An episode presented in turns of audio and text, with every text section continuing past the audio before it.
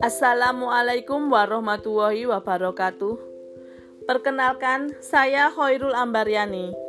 Di sini saya akan membahas tentang enam masalah kesehatan yang muncul bagi pelajar perokok.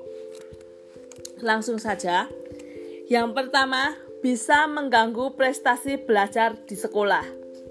Kemudian yang kedua, perkembangan paru-paru bisa terganggu. Yang ketiga, mempengaruhi sistem imun dalam tubuh. Hal ini membuat kalian saat sakit sulit untuk sembuh. Kemudian yang keempat, mengakibatkan kecanduan. Saat kalian memutuskan untuk berhenti merokok, maka akan timbul gejala seperti depresi, insomnia, mudah marah, dan masalah mental yang dapat berdampak negatif bagi kinerja di sekolah dan perilakunya. Kemudian yang kelima, tampak terlihat lebih tua dari usianya. Yang terakhir,